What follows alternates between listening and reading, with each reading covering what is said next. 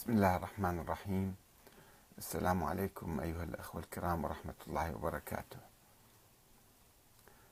مرحبا بكم في برنامج أنت تسأل وأحمد الكاتب يجيب. يرجى التفضل بكتابة أسئلتكم ريثما نعد الصفحات الأخرى.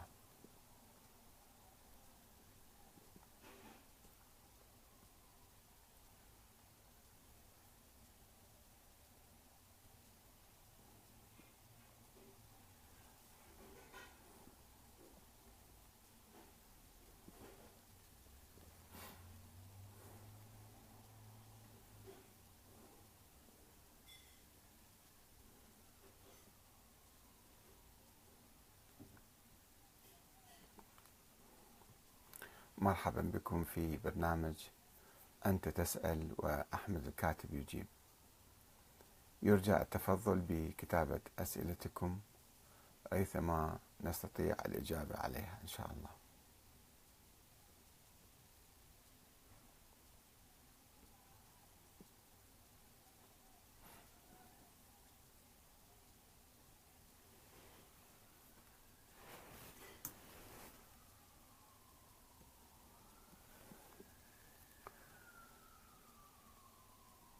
مرحبا بكم في برنامج أنت تسأل وأحمد الكاتب يجيب.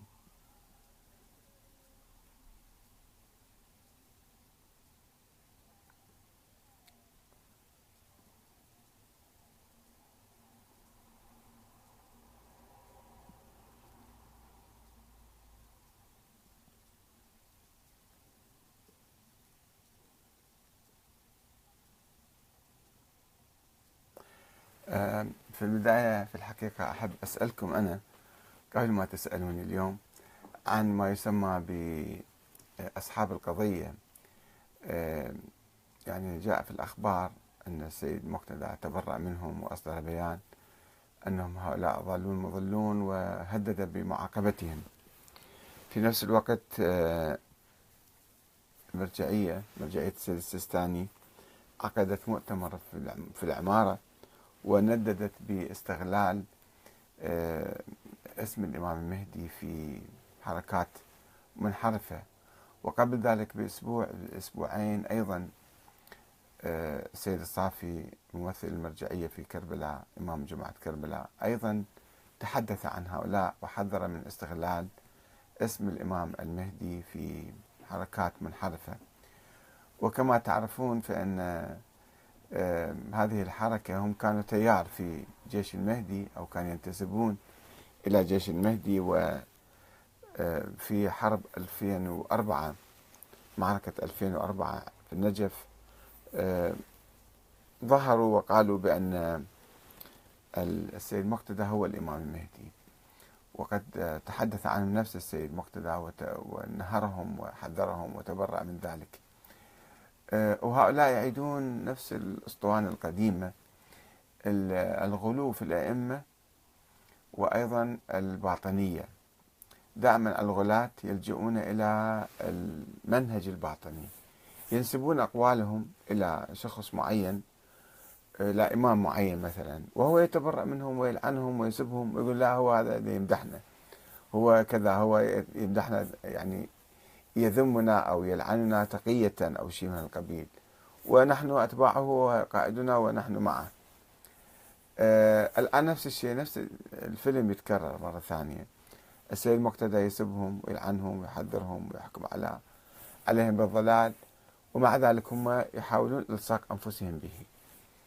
ويدعون أنه هذا السيد مقتدى قتل في حرب 2004 وهذا شخص آخر أو دائما يجيبون قصص يعني أسطورية. قصص خرافية سرية باطنية حتى آه، هم يتستروا فيها ويزجوا أنفسهم في هذا التيار أو في هذه الحركة. ويقوموا بأعمال غير شرعية كما يقول السيد مقتدى نفسه.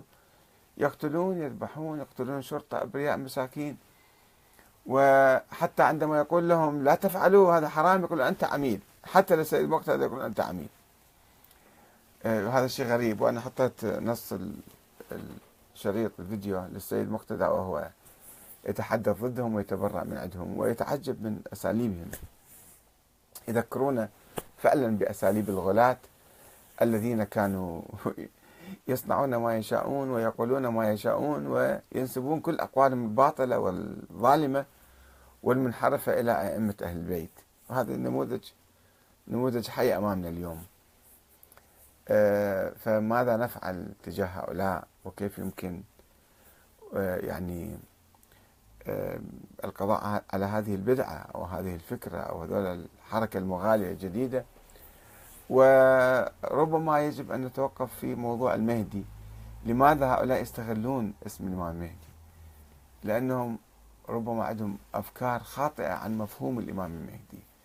ويمكن إذا كانت هناك أفكار صحيحة. والسيد مقتدى نفسه يبث ذيك الأفكار. أن المهدي فكرة عامة أي مصلح يمكن يسمى مهدي. مو أي مفسد. هم يفسدون في الأرض ويحسبون أنهم يحسنون صنعا أنهم يعني يسوون عمل خير. يقتلون الناس أبرياء.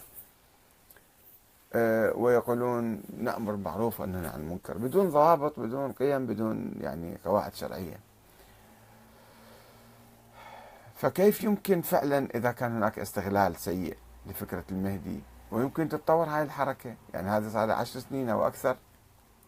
وممكن تستمر وتكون حركة داعش جديدة في العراق بس بالإمام المهدي حركة داعشية جديدة. يعني آه، بعض العلماء انتبهوا لها حاولوا يحاوروهم حاولوا يحكوا معاهم. ولكن عندما يكون الجهل منتشر والأمية واسعة هؤلاء ينتشرون في هذه الأوساط الجاهل الأمية والأمية بالثقافة الإسلامية. مو شرط يعني يكون ما يقرأ ويكتب لا يمكن يقرون ويكتبون ولكن في مشكلة في الثقافة العامة. فإذا نحن في الحقيقة في أزمة ثقافية في أزمة مفاهيم عندنا وأزم يعني مفاهيم غير صحيحة. فيجب أن نعيد النظر ونقوم بثورة ثقافية في هذه المفاهيم. نعود إلى آه، الثقافة الإسلامية الأصيلة الموجودة في القرآن الكريم التي تنهى عن سفك الدماء وتأمر بالمعروف وتدعو إلى الله تأمر بالدعوة إلى الله بالحكمة والموعظة الحسنة. حتى نبتعد عن آه، عن خط داعش.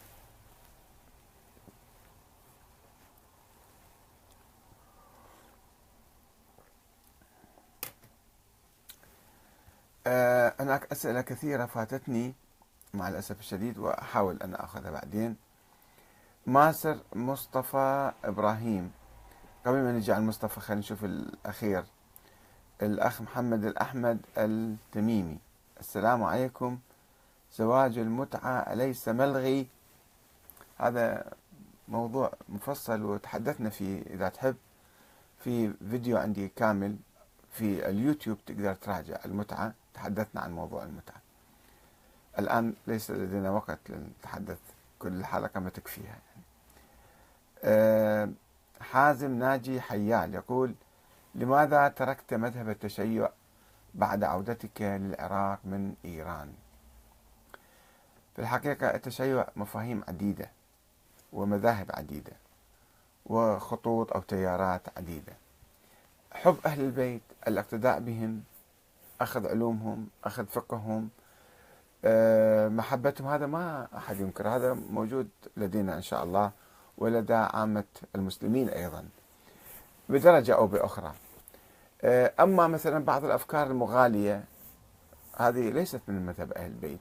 عندما الإنسان يحقق ويبحث قد يجد أنه بعض الأفكار المنتشرة بالأوساط الاجتماعية هذه ما لها علاقة بأهل البيت. مثلا التوسل بهم أو الاستغاثة بهم أو طلب الشفاء طلب الحوائج من عندهم هذا أشياء نهى عنها أهل البيت ولا, ولا يقبلون بها. الإيمان بأنهم هم مثلا فوق الأنبياء أو هم أنبياء أو هم أنصاف آلهة وثلاث أرباع آلهة هذا كفر طبعا. هذا بعض الناس ينسبوه إلى أهل البيت. الآن موجود في بعض الأوساط حتى في أوساط الحوزات. هذا ليس من مذهب أهل البيت. وإذا واحد قال الأئمة قل إنما أنا بشر مثلكم الله سبحانه وتعالى يقول للنبي. إنما يوحى إلي. بس فقر بشر. يجي واحد يرفع الأئمة على مستوى البشرية. هؤلاء مثلا هم يديرون الكون الرزق والحياة والموت وكذا بيديهم. أو هم خلقوا الكون والعياذ بالله. هذا شرك بالله تعالى وكفر هذا. فإذا واحد تبرأ من هذه الأشياء لا يعني أنه ترك التشيع. في أشياء خطيرة دخيلة في مذهب أهل البيت. إحنا نحاول أن يعني نعود إلى مذهب أهل البيت الحقيقي المتفق مع الإسلام مع القرآن الكريم. الأخ مصطفى إبراهيم يقول ما سر اهتمامك الواسع بقضية الإمام المهدي? قبل ما أجاوبك هذا أحمد الحسناوي سألني البارحة عدة أسئلة وأنا ما شفت سؤاله حقيقة إلا بعد ما انتهى البرنامج. يقول أستاذي هل قرأت كتاب كسر الصنم؟ كسر الصنم للشيخ البرقعي. نعم قرأته. وهو يعني يصحح أو ينكح أحاديث وينتقد أحاديث الكافي. أه وهو قبل أيضا العلامة الحلي انتقد أحاديث الكافي. هذا ما جاء بشيء جديد بالحقيقة. نرجع إلى سؤال مصطفى إبراهيم. يقول ما سر اهتمامك الواسع بقضية الإمام المهدي؟ الإمام المهدي في فكرة يعني فيها جوانب سلبية فيها جوانب إيجابية. الأمل الإنسان عندما يعيش واقع ظالم واضطهاد وظلم يأمل واحد يجي يخلصه. هاي فكرة طبيعة إنسانية. والإمام المهدي كلمة الإمام المهدي هي معناتها الحاكم العادل الذي هداه الله. وما يطلق على شخص واحد يطلق على كل الأئمة الأئمة المهديين الهداة المهديين. الهاديين المهديين. كلها معاني تطلق على الحكام العدول الحكام الصالحين. وليس على شخص معين. بعدين في القرن الثالث الرابع صارت آه، آه، هالكلمة هذه أو هذا المصطلح آه، على شخص معين هو الثاني عشر. الثاني عشر شيء والإمام المهدي شيء آخر. الإمام المهدي فكرة عامة كانت في القرون الثلاثة الأولى عند عامة الشيعة. والمسلمين عموما أي يأملون أن يأتي حاكم عادل ويغير الأوضاع الفاسدة. أما فكرة الثاني عشر هو المهدي وننتظر مجيئه ونعلق عليه كل الأحكام. لا يجوز أن نقوم بأي عمل ثوري أو حكومي أو دولة أو شيء إلا أن يأتي الإمام المعصوم المعين من قبل الله. هذا ضر الشيعة ألف سنة آه، أنه إحنا ما عندنا إمام بعد ما عندنا حكومة تهمشنا عن التاريخ خرجنا عن مسرح الحياة. وأيضا الآن من خمسين سنة تقريبا صارت نهضة شيعية جديدة. محاولة تفسير التمهيد للمهدي أو القيام مثلا مو بالضروري يكون الحاكم فقيه عادل يمكن يكون مو ضروري يكون معصوم يمكن يكون فقيه عادل أو إنسان عادي يكون رئيس وزراء أو رئيس جمهورية أو رئيس حكومة. أه، أيضا هناك البعض يحاول أن يستغل فكرة المهدي لكي يفرض دكتاتورية مطلقة على الناس باعتبار هو نائب الإمام مثلا. هذه فكرة خطيرة أيضا. لذلك نحن نعالجها من هذا الباب حتى نعود إلى الحياة الطبيعية الحياة حياة الشورى أو النظام الديمقراطي اللي الحاكم يكون إنسان عادي كفوء مثلا قادر على إدارة البلد أو يكون فقيه عادل بعد إذا كلش اشترطنا يعني صفات مثالية به أه، هل تجد تضييق من علماء الشيعة بسبب أفكارك بالنسبة؟ لا في حوار. تضييق ما في أنا مو قاعد يمهم. حتى يضيقون علي. في حوارات في نقاشات متبادلة وتشوفون أنتم على الصفحة هذه. آه الأخ أحمد العدناني يقول أنا أتمنى أن تجيبني على هذا السؤال. أستاذنا القدير فقد سألت لك في مرة سابقة ولم تجبني. بالله عليك يا أستاذ أحمد. الكاتب أتمنى أن تجيبني. آه كأحمد الكاتب الباحث وليس كأحمد الكاتب الشيعي. أجبني كباحث محايد متخصص وسؤالي هو هل من خلال مسيرتك البحثية واطلاعك يا أستاذ أحمد هل هناك من شخصيات أئمة الشيعة التسعة؟ هل فيهم شخصيات وهمية غير المهدي؟ آه ما ما أتذكر أنت اليوم سألتني هذا السؤال من قبل. لا ما في شخصيات وهمية شخصيات حقيقية وتاريخية ومتواترة وثابتة بالتاريخ. لا أحد يشك بوجودهم. مو الشيعة يشكون حتى ولا أحد لا من المسلمين ولا من اليهود ولا من النصارى. إنما شخص واحد نسب أيضا حالة مشابهة لهذا الثاني عشر المفترض. هو الإمام محمد بن عبد الله الأفطح. عبد الله الأفطح ابن جعفر الصادق. مات وما كان عنده أولاد. فالذين كانوا يؤمنون بإمامته ويؤمنون أن الإمامة يجب أن تستمر بصورة عمودية لا تذهب إلى أخ ولا إلى ابن عم. ما أدري منين جايبين هالفكره أساسا هم. المهم قال فريق من هؤلاء